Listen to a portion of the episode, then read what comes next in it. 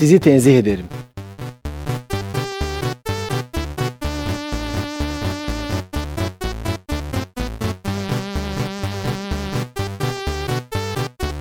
Gölgesinden korkan bir radyo programı.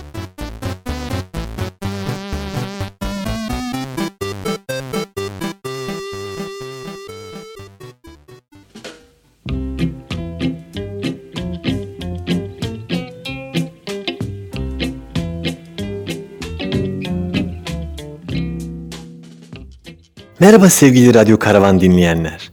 Nasılsınız inşallah? İyisiniz maşallah diyoruz ve 8. programımızı da açıyoruz. Bu programımıza da her zaman olduğu gibi geçen programımızla ilgili aldığımız notları sizlerle paylaşarak başlamak istiyorum. İki hafta önce salı akşamı saat 8'de radyolarını açanlar programımızı hiçbir sıkıntı olmadan fıstık gibi dinlediler. Nasıl olduğunu ben de anlamadım ama oldu işte. Ben bu kısımda sizlere hep bir önceki programda yaşanan aksaklıkları, sıkıntıları anlatırdım. Yok yayın kesildi, yok nazara geldik, yok program geç yayınlandı, yok program erken yayınlandı diye ağlar dururdum. Bu sayede de aslında yeni programın girişini yapmış olurdum. Ama dediğim gibi hiç böyle bir şey olmadı. Aksilik bu ya, programda çok güzel, dört dörtlük oldu. Gerek ses kalitesi, gerek muhabbetler, şarkılar, jingle'lar derken on numara program oldu namussuz. Bu yönüyle de beni büyük dertlere gark etti. Çünkü bundan sonra yapacağım hiçbir programın o programı geçemeyeceğini biliyorum. Yedinci program Sizi Tenzih Ederim'in zirvesiydi. Şah programıydı. Şu an Medcezir albümünü yayınlamış Levent Yüksel gerginliği yaşıyorum. Seni gidi fındık kıran, yılanı deliğinden çıkaran, kaderim püsküllü belam, yakalarsam şarkısını yapmış Tarkan stresi içindeyim. Bundan böyle yapacağım her programda 7. programın mirası omuzlarımda, sırtımda olacak. Bu ağırlıktan kimi zaman belim bükülecek. Cümlelerim karışacak biliyorum. Ah dostlar ah. Ellerim kırılaydı, dillerim tutulaydı da yapmaz olaydım o 7. programı. Yaktın beni 7. program. Ağzına sıçayım senin gibi programın. Ananı eşekler kovalasın senin. Hayır o değil 8. programın başını da mahvetti. En azından birkaç hata olaydı. Ben onları allayıp pullayıp size anlatmasını, ekmeğini yemesini bilirdim de o da olmadı. Ben programları kaydederken birbirinin üzerine kaydediyorum. Mesela 5. programın montajını yaparken 4. programı açıyorum. Yeni şarkılar, konuşmalar ekleyip 5. program olarak kaydediyorum. Tabi böyle olunca ne güzel bir sürü hata oluyor. Bazen 4. programda kullandığım bir sansür 5. programın alakasız bir yerinde açık kalmış oluyor. Bir şarkının ortasında bip diye ses geliyor. Zaman zaman fon müziğini kapatmayı unutuyorum. Alakasız bir yerde çalmaya başlıyor. Bazen konuşmalarda hata yapıyorum. Euro yerine dolar diyorum. Yani bunlar hep güzel krizler. Yani kriz olacak ki ben onları fırsata çevirebileyim. Ben de düşündüm. Gelecek programda da aynı sorunları yaşamamak için ben şimdiden birkaç kriz yaratayım. Hatalar yapayım. Biraz polemiğe gireyim ki bir dahaki programa malzeme çıksın. E şimdi mesela şuradan ben konuşurken araya alakasız bir şarkı girsin. Sevdik işte bir kere Bir cahillik ettik işte Büyüklük sende kalsın Eşeklik bende Geçen programdan birkaç konuşma parçası gireyim şuraya da. Çatalıyla üstüme üstüme gelen, adımı bilen ama benim tanımadığım biri yanındaki arkadaşına acayip şeyler olacağını vaat ediyordu. Belki şurada küçük mutlu bir sansürcük vardır. Birkaç şapırtı, biraz nefes. Tamam. Hatalarımızı da yaptık. Şimdi kafamız rahat. En azından 9. programın girişini kurtardık. Sizi tenzih ederim hatalarıyla, sevaplarıyla kafası rahat bir şekilde başlıyor. Let me tell you what I know now.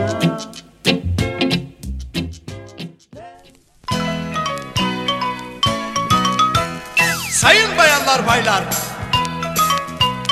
Konuklar vatandaşlar. Duyduk duymadık demeyin Başlıyor numaralar En son moda şarkılar.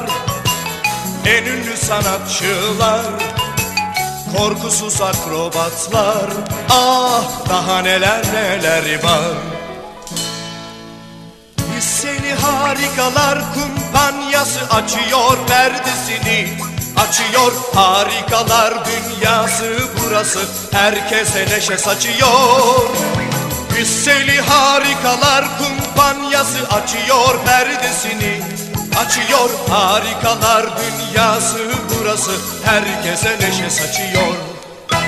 Sayın bayanlar baylar Geçiyor dakikalar.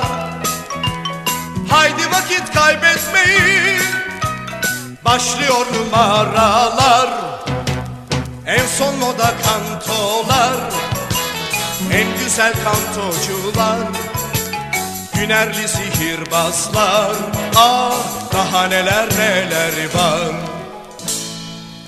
Hisseli harikalar kumpanyası açıyor perdesini.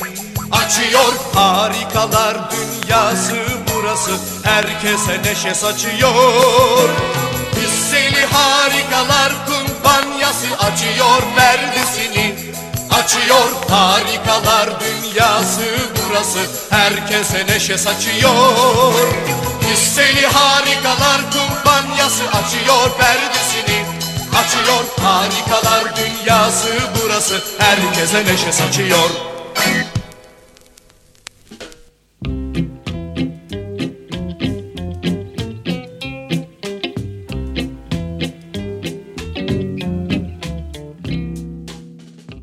2 Ağustos 2017 tarihinde Radyo Karavan için bir yazı yazmışım.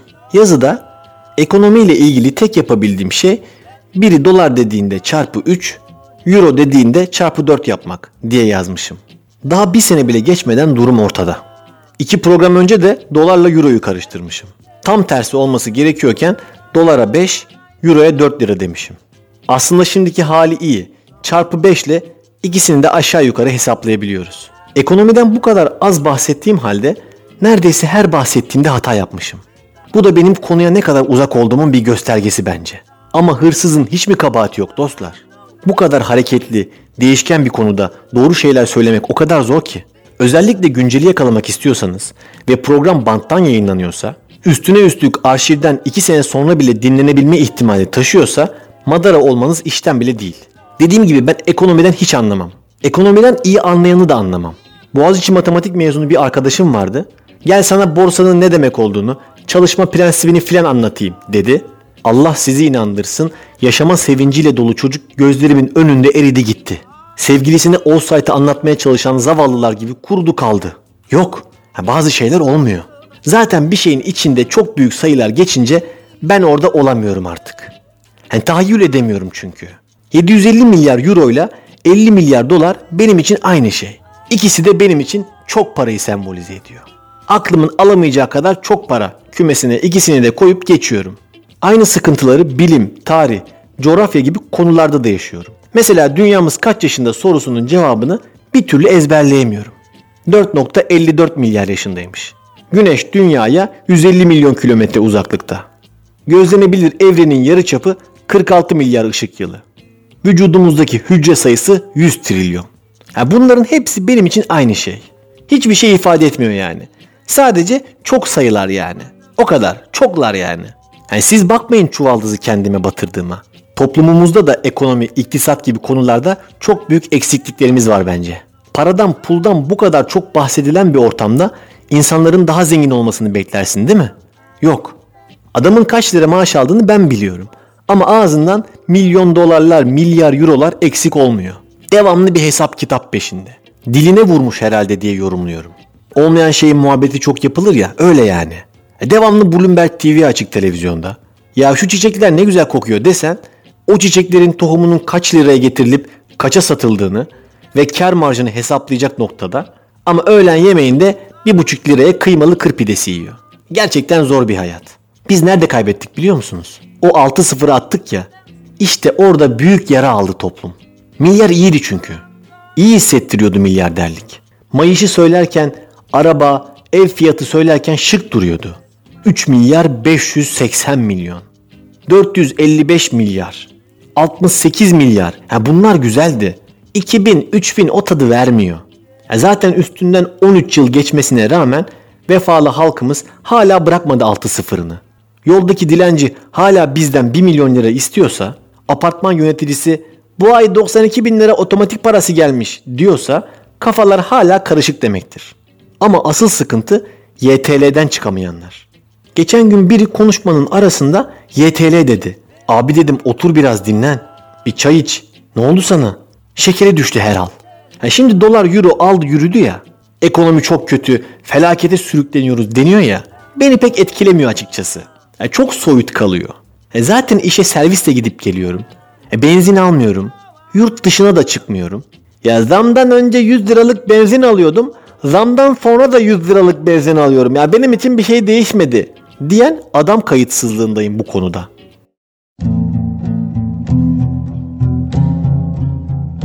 Ama ne zaman ki BİM'den 1 lira 25 kuruşa aldığım triplex gofretim 1 lira 50 kuruş olur.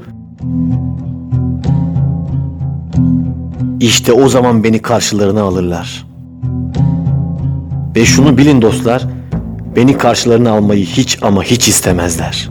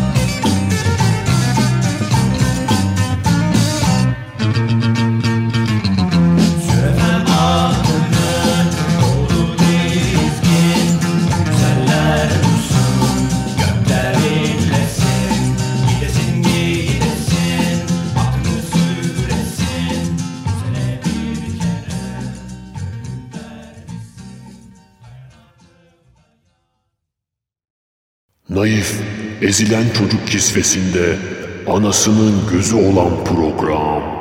Naif ezilen çocuk değil mi hep? Evet evet. O ne anasının Ya hep öyle değil mi zaten? Ya bir ne yapsın çocuk? Sizi tenzih ederim. Devam ediyor.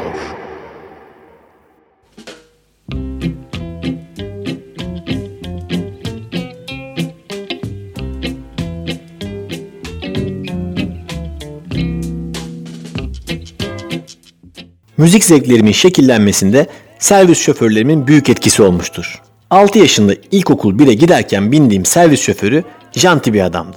Metalik mavi flash model bir arabası vardı. 50-60 yaşlarında beyaz saçlı, deri eldivenlerle araba kullanan bir abimizdi. Ben Beatles'ın Yesterday şarkısını ilk kez o arabada duymuştum. Ve neler hissettiğimi dün gibi hatırlıyorum. Çok etkilenmiştim. Servis şoförümüzün ismi Cansever'di. Cansever amcanın oğlu fotoğrafçıydı. Oğlu fotoğraf yarışmalarına katıldıkça bizi o sergilere götürür. Sergileri gezdirirdi. Hatta bazı zamanlar fotoğrafçı oğlu şoförlük yapar, belli zamanlar servisi o kullanırdı. Birkaç sene böyle Beatles'la fotoğraf sanatıyla dolu geçti. Ama Lale devri çabuk bitti. İkinci senenin sonunda cansever amca servisçiliği bıraktı. Benim başka bir servise geçmem gerekiyordu. Bizim evin güzergahından geçen tek servis de Hasan amcanın servisiydi. Ve dönüşüm başlamıştı. Hasan amca Dolapdere'de oturan, servis olarak her tarafı dökülen siyah bir kartal kullanan ve 7-24 arabesk dinleyen bir abimizdi. Ve cansever amca işi bırakınca işleri bayağı iyileşmişti. O güzergahın bütün çocuklarını külüstür kartalıyla taşımaya başlamıştı. Hasan amca da çok kral adamdı. Ama farklı bir segmentin insanıydı. Servisimiz her zaman çok kalabalık olurdu. 14-15 çocuk kucak kucağa sığışırdık o kartala.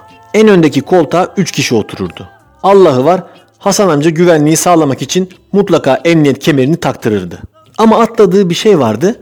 Emniyet kemerinin kayışı iki çocuğun kucağına oturmuş üçüncü çocuğun boğazından geçerdi. Bu haliyle de en ufak bir çarpışmada bile kafa kopması garanti altına alınmış oluyordu. Ben servise en son bindiğimden bana hep arkası kalırdı. Arkası dediysem arka koltuk değil bagaja binerdim ben. Servis gelince apartmandan dışarı çıkar, arabanın bagajını açar, iki kişinin oturduğu ve çantalar, suluklarla dolu olan bagaja üçüncü kişi olarak sığışırdım.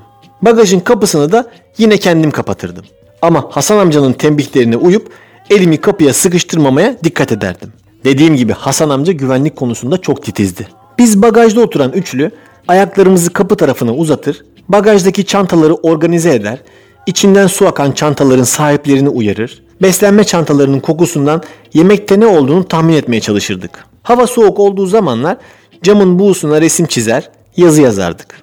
Hasan amca arabeskten kesinlikle ödün vermezdi ve Müslüm babacıydı. Sabahın altı buçuğunda külüstür bir kartala sığışmış, yaşları 6 ile 10 arasında değişen 12 çocuğun cayır cayır arabesk dinleyerek Nişantaşı'ndaki okula gittiğini düşünün. Emir Kusturica filmi gibi. Ve buraya kadar anlattıklarım işin en normal kısımları. Servis çok eski olduğundan sık sık arıza yapardı. Arıza yapıp yolda kaldığı zamanlarda Hasan amca hadi çocuklar inin de arabayı itelim derdi. Biz de bildiğin adam gibi inip servisi iterdik. Yani şimdi düşününce ne acayipmiş lan. Bildiğin yakalı önlüklü çocuklar kızla erkekte kendi servislerini itiyorlar. Allah Allah. Hasan amcanın arabeske ara verdiği tek zaman mezarlıkların önünden geçerkenki zamanlardı. Mezarlığın önünden geçerken mutlaka müziği kısar. O sırada servisteki çocukların Hasan amca korku hikayesi anlat ısrarlarına dayanamayıp kurt adamlı cinli korku hikayeleri anlatırdı. Bazen de işi çıkar servisi Dolapdere'de bir yere çeker siz buralarda oynayın benim biraz işim var deyip giderdi. Biz oradaki arsalarda çalılarda kovalamaç oynardık. Hasan amca da yarım saat sonra filan gelirdi. Herhalde birilerinden borç filan alıyordu. Devamlı dertli, devamlı sıkıntılıydı. Devamlı halletmesi gereken işleri vardı. Yolda polis gördüğünde hemen kucaktakileri eğilmeleri için uyarırdı. Arkadaşlarına camdan selam vermeye çalışırken kaza yapardı. Bir keresinde yaşlı bir adama çarpmıştı. Adam yere düştü, biz öldü sandık.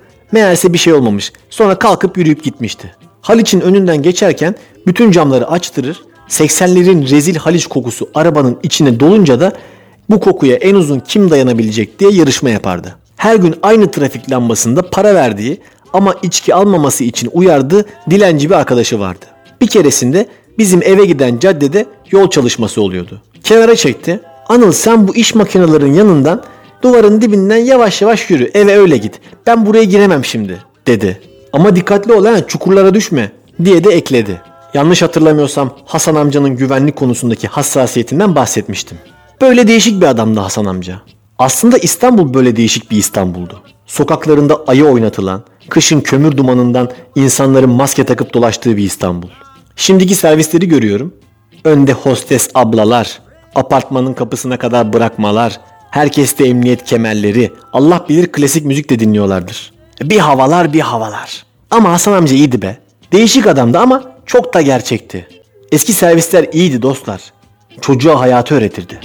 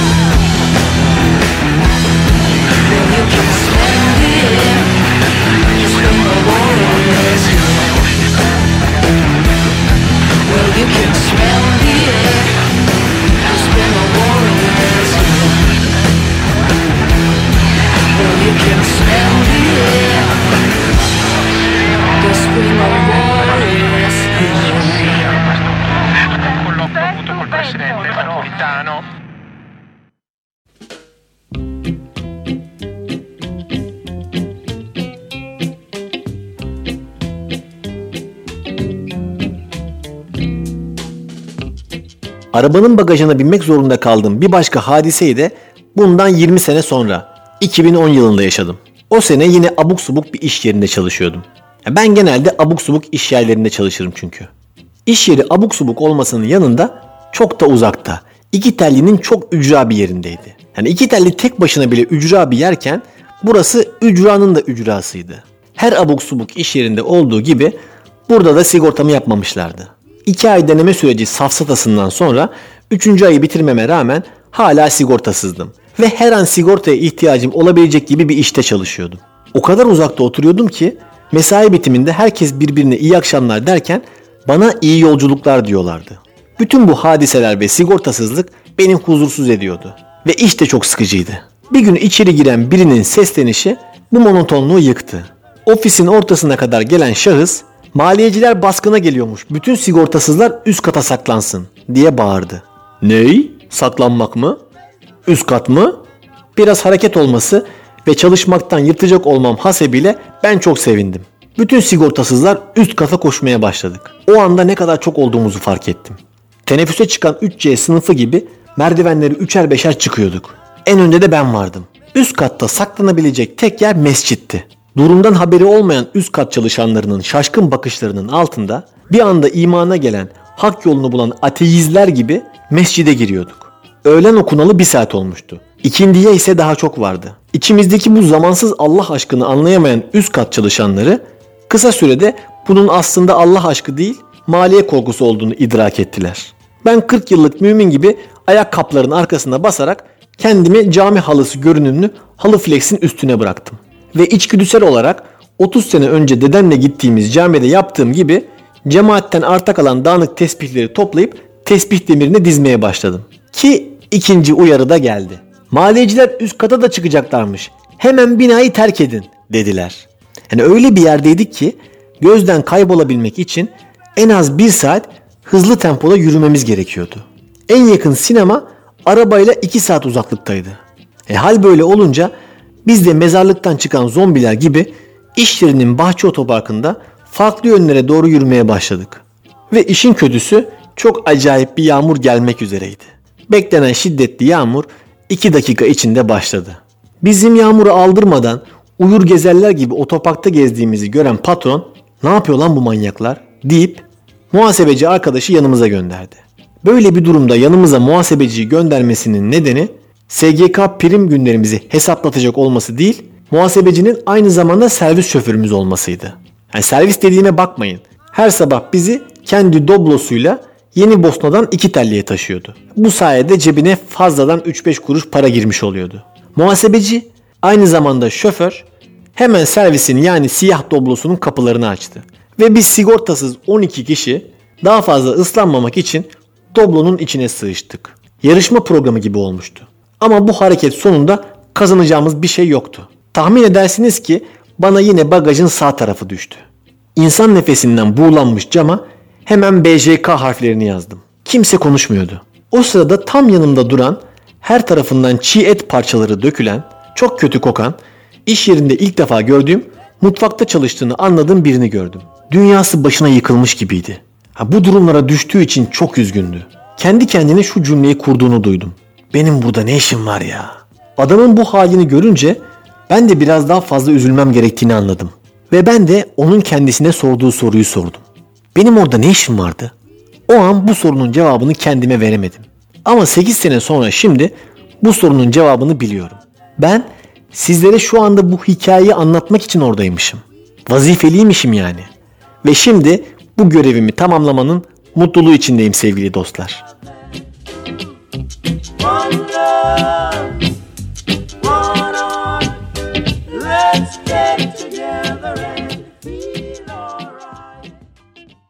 No matter how hard you try, you can't stop us now.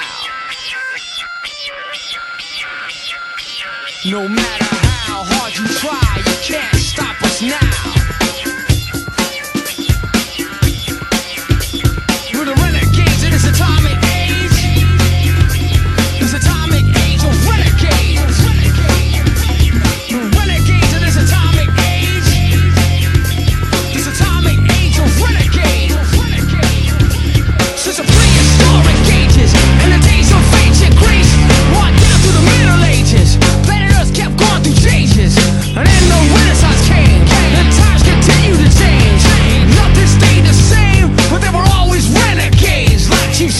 full time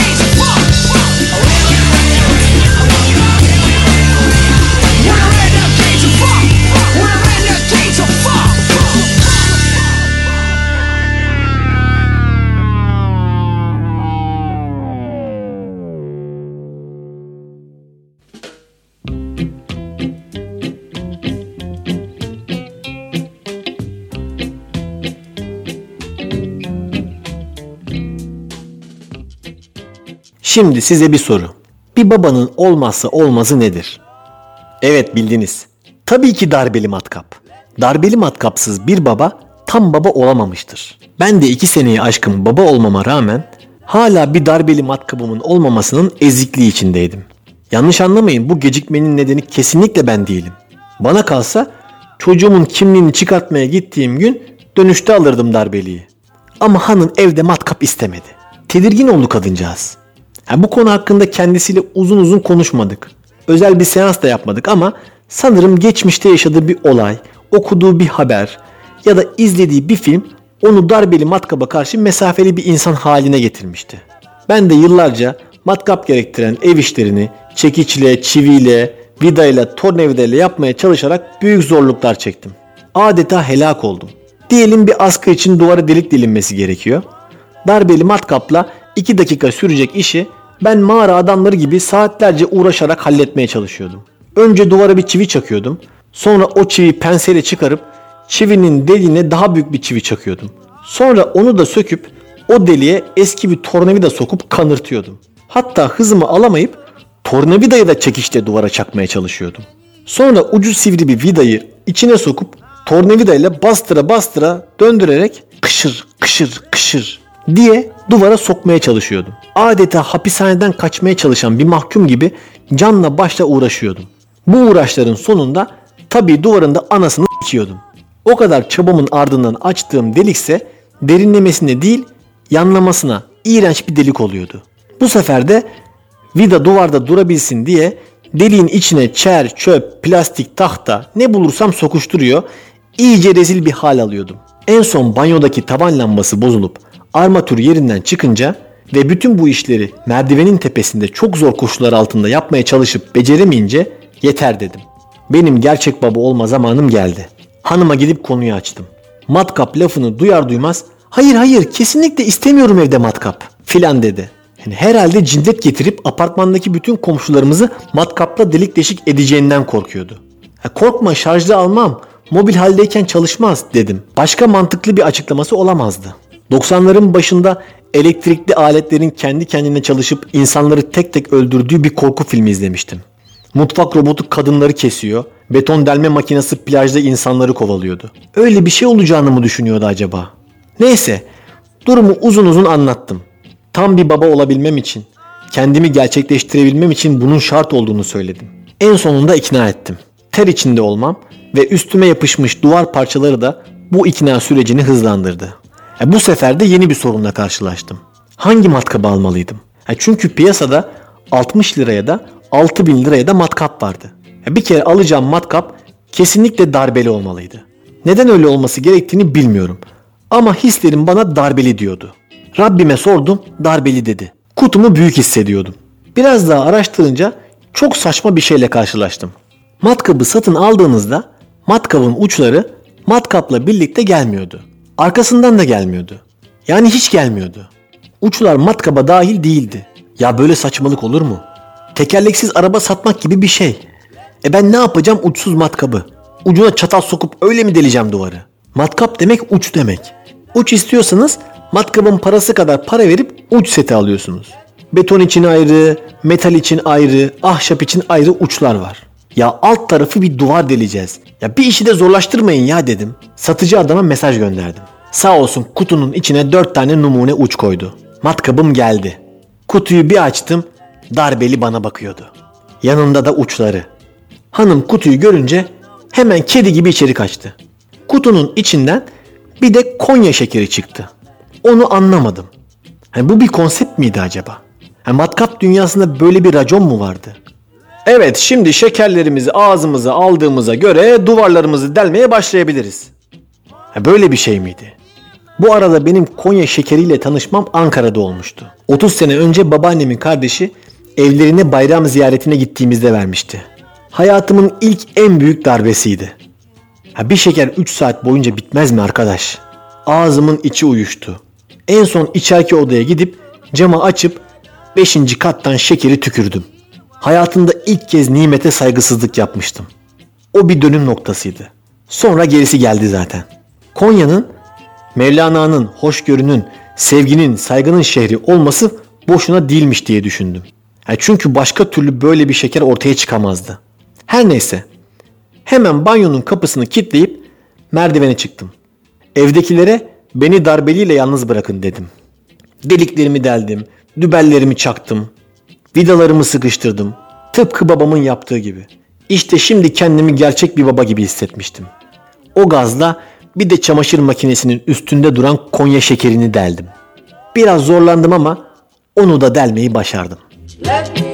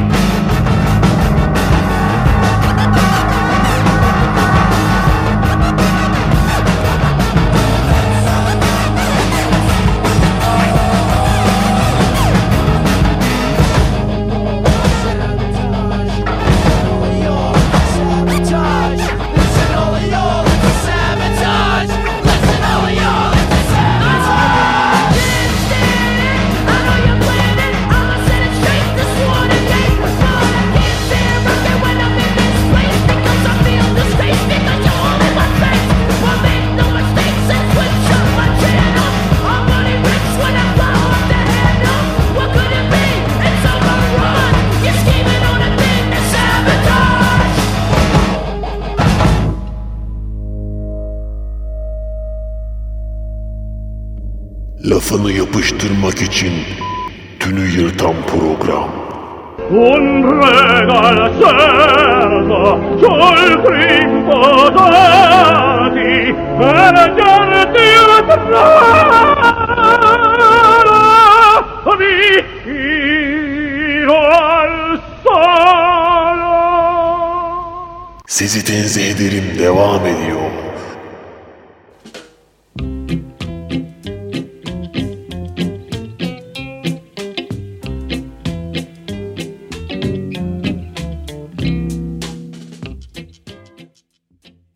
Ramazan deyince birçoğunuzun aklına pide, iftar, huzur, dayanışma, açlık, tokluk gibi kavramlar geliyordur büyük ihtimalle. Benimse aklıma İngilizce geliyor. Ne alaka demeyin. Şimdi anlatıyorum. Yıllar önce ortaokula giderken otobüste Taksim talimhanenin orada bir şey gördüm. Belediye bir tak maketi yapmış. Tak dediğim hani eski çağlarda bir zafer kazanıldığında imparatora yalakalık için yaptırılan kemerli geçitler var ya ondan Sunta'dan zafer takı maketi yapmışlar Taksim'e. Bunu yapmalarının sebebi de Ramazan'ın gelmesi. Ve üzerinde şu yazıyor. Hoş geldin ya şehri Ramazan. Buraya kadar olabilir. Ama bundan sonrası sorunlu. Bu Türkçe yazının altına bir de İngilizcesini yazmışlar. O da aynen şöyle. Oh the holy Ramadan you welcomed. Bu ne abi? Yani turistlere böyle bir cümleyle Ramazan'ın geldiğini muştulamak hangi seviye? Başındaki o ne? Yağının İngilizce karşılığı o mu? Ben bu tuhaf cümleyi 30 gün boyunca her gün okumak zorunda kalınca Ramazan deyince de ilk aklıma gelen şey İngilizce oluyor. Aynı dönemlerde Hunharca İngilizce tercümesi yapıldığını bir başka örnekte Tikveşli'nin ayran kutularının üstüne basılan Nasrettin Hoca karikatürleri ve İngilizce tercümeleri. Tam da o sıralarda İngilizce hazırlık okuyorduk.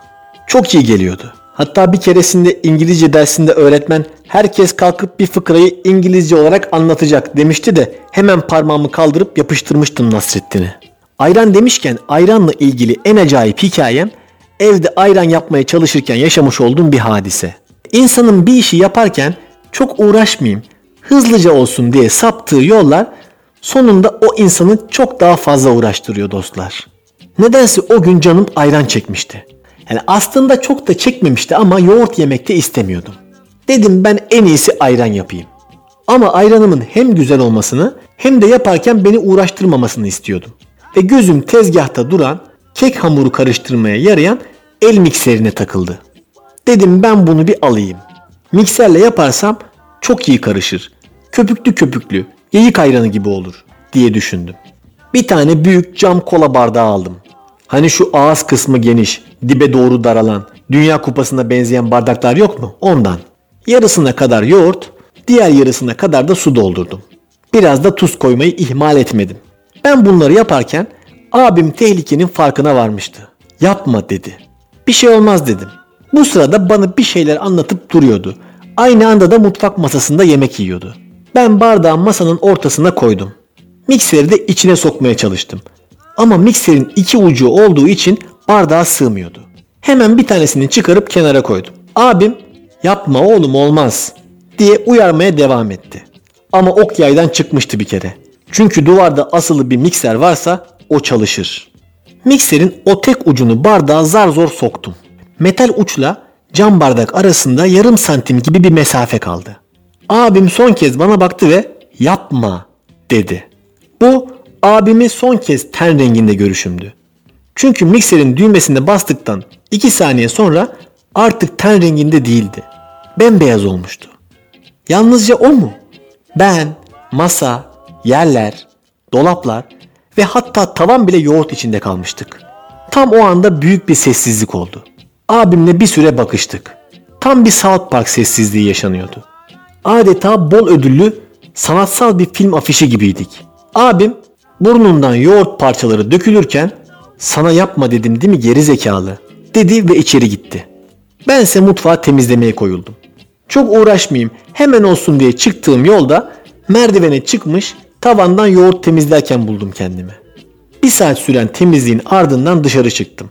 Bakkaldan Nasrettin Hocalı bir ayran aldım. Ayran kutusundaki hikayede hoca köylülerin uyarılarına rağmen bindiği dalı kesmeye devam ediyordu. En sonunda bilin bakalım ne oldu. Bak anne sana ne hediye getirmişim. Bu ne ki? Bilmiyor musun? Yo. Müsker müsker bak. Dur lan kırdın be. Ne kırması kız iki parça. Ha, niye yarıyor ki? Her bir şeye yarıyor. Elmayı soyusun, içine atısın, hemen suyunu çıkartıyor. Yok be. He. Sade elma değil her bir şey yapıyor. Al. Allah Allah. Bak. Tarhana çorbası da yapıyor bilmem o. Koy tarhanayı, koy suyunu, ek tuzunu biberini, tak fişe, saniyesinde çorba olsun. Allah Allah bu gavur milleti neler de bilir. Hoş getir tarhanayı. Çatlasın komşular. Tamam. Sağ bak Memo. Kurban olam. Hadi işler şunu da içelim tarhanayı ağız tadıyla. Ya bismillah. Anam! Allah'ı Memo! Tarafı berbat ettin ha! Sen de şu cenabeti be! Allah Allah, tarhana olmuyor demek. Bir de gülün!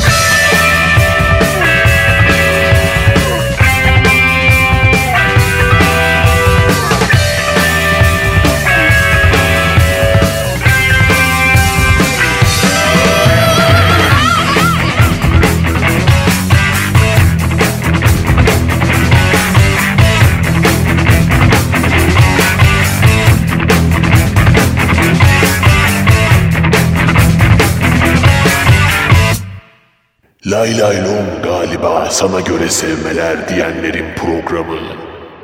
Lay lay lom galiba sana göre sevmeler Hop başına nay galiba sana göre sevilmeler Sizi tenzih ederim devam ediyor.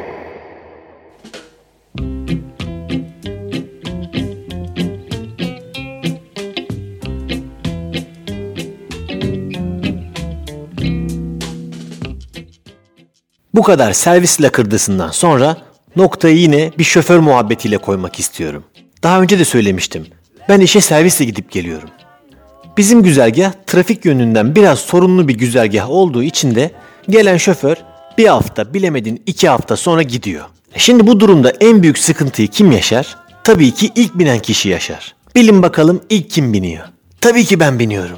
Çünkü ilk binen şoför yolları ve alınacak kişileri bilmediği için bütün bunları şoföre anlatmakla sorumlu oluyor. Hiç istemediğim halde şoförün yanına oturuyorum, başlıyorum tek tek anlatmaya. Bak şu saatte şuradan kalkıyoruz, buradan Ayşe'yi alıyoruz, sonra şu yoldan dönüp Fatma'yı alıyoruz. Yol tıkalıysa bu yoldan sapıp Ahmet'i alıyoruz. Ama o çarşamba ve cumaları gelmediğinden önce Cemil'i alıyoruz. O da bankamatin önünden biniyor. Şuradan Mustafa ile Kenan'ı aldıktan sonra köprü yoluna bağlanıyoruz diye diye anlatıp duruyorum. Giderken de hiç kimseyi kaçırmayalım, almadan gitmeyelim diye de devamlı tetikteyim. Kaldırımda duran herkesin tek tek suratına bakıyorum. Bana böyle bir sorumluluk verildiğinde kişilik yapımdan dolayı Maalesef o işi biraz fazla abartıyorum. Bir keresinde bizim servisten biri o gün işe gelmeyecekmiş. Ben bunu şans eseri geçtiğimiz güzergahta başka bir yerde gördüm. Durakta otobüs bekliyordu. Hemen servisi sağa çektirdim. İndim adamın yanına koştum. Siz bugün gelmiyor musunuz? Az önce yanınızdan geçtik dedim. Adam korktu. "E, yok ben bugün işe gelmiyorum anneme gideceğim ben dedi. Ha tamam o zaman diye servise geri koştum. Öyle manyağım yani. Ben bunlarla uğraşırken benden sonra binenler günaydın deyip kulaklarında kulaklık küt diye kafayı koyup uyuyorlar. Ve ben bu kadar emek harcayıp şoförü yetiştirdikten sonra pat şoför ayrılıyor. Hayda yeni şoför geliyor bütün süreç baştan başlıyor. Ve dediğim gibi bu hadise iki haftada bir tekrarlanıyor. Her gelen şoförün ismini, telefonunu rehberime kaydediyorum. Grafik tasarımcı olmama rağmen şu anda telefonumda grafik tasarımcıdan çok şoför numarası var. Ben de bu durumdan sıkıldım artık. Yeter lan dedim. Ne bu böyle? Artık ben ilk binmeyeceğim dedim. Bunun için de insanlara yalan söyledim. Dedim ben taşındım artık. Daha ileriden bineceğim. Sabah kalkıyorum, 20 dakika yürüyorum, servise dördüncü kişi olarak biniyorum. İlk binme sorumluluğumdan kurtuldum böylece. Hem akşam da yalanım ortaya çıkmasın diye aynı yerde indiğinden spor yapmış da oluyorum. Yalnız benden öncekiler de benim taktiği uygularlarsa biz servise ilk binen olmamak için iş yerine kadar servis kullanmadan gidebiliriz. Yani korkum o. Bizim servistekiler teknolojinin de tüm imkanlarını kullanıyorlar. Hemen WhatsApp grubu kurdular. Oradan haberleşiyoruz. Hani haberleşiyoruz dediysem paso geyik muhabbeti dönüyor.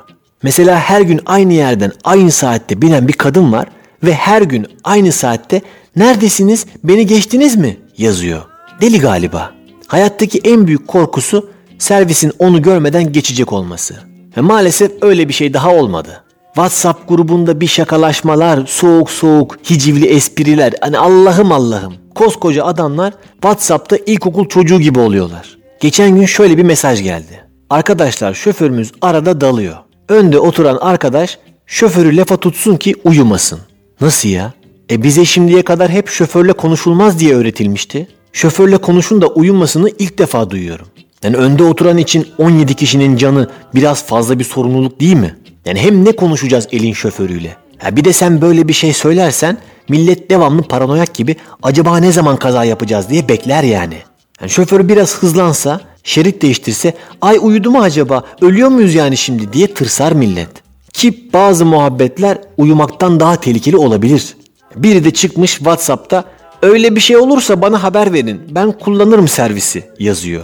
Yani yıllardır bu anı bekliyormuş gibi. Kahraman olacak ya artist. Bu muhabbetlerin üstüne ben bir gün şoförün arkasına oturdum. Şoförün yanında da yaşlı bir kadın hocamız oturuyor. Devamlı şoföre bakıyor psikopat gibi. Bir yola bakıyor sonra tak adama bakıyor. Bir yola bakıyor tak adamda. Bildiğin deli.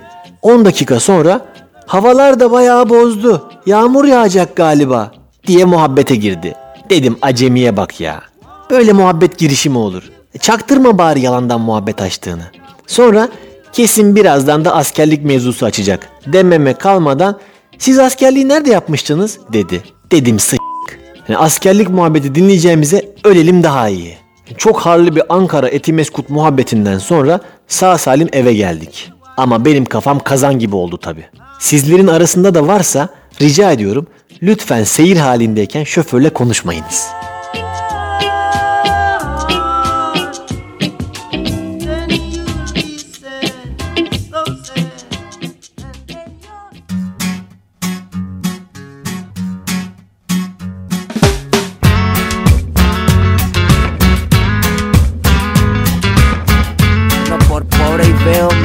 so how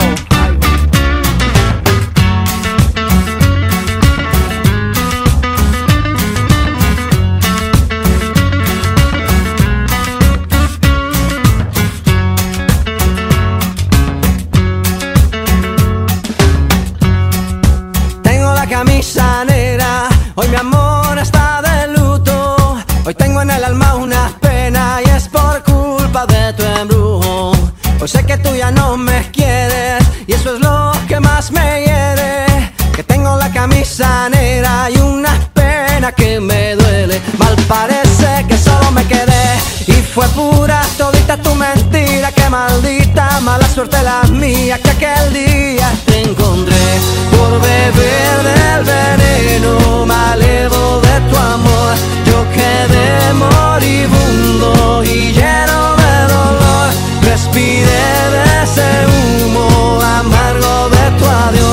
Desde que tú te fuiste yo solo tengo, tengo la camisa negra, porque negra tengo el alma. Yo por ti perdí la calma y casi pierdo hasta mi cama. Cama, cama, cama, baby, te digo con disimulo que tengo la camisa negra y debajo tengo el difunto. A enterrártelo cuando quieras, mamita.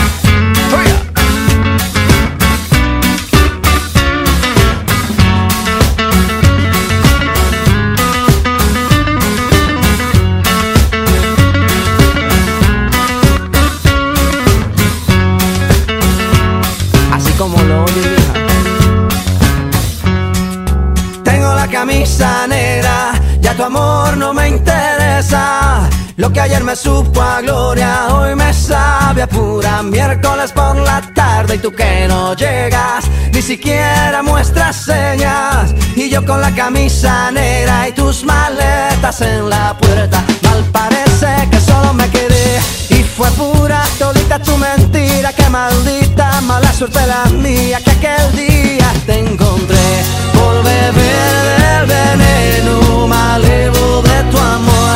Yo quedé moribundo y lleno de dolor, respiré de ese humo amargo de tu adiós y desde que tú te fuiste yo solo tengo, tengo la camisa negra perdí la calma y casi pierdo hasta mi cama. Cama, cama, cama, baby.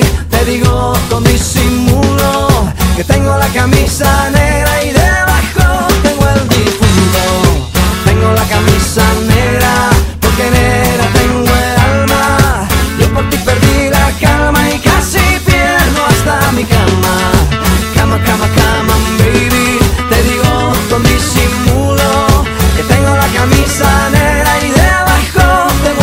difunto.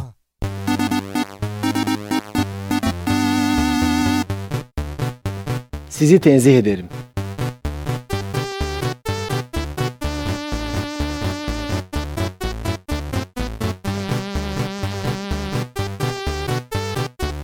Gölgesinden korkan bir radyo programı.